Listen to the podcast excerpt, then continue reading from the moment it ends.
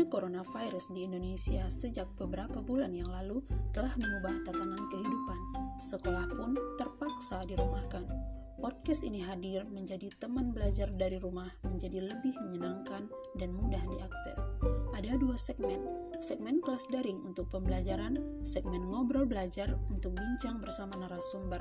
Segmen ini akan menjadi ngobrol bersama narasumber membahas tentang teknologi, perkembangan IT, dan pembelajaran TKJ. SMK bisa, SMK hebat.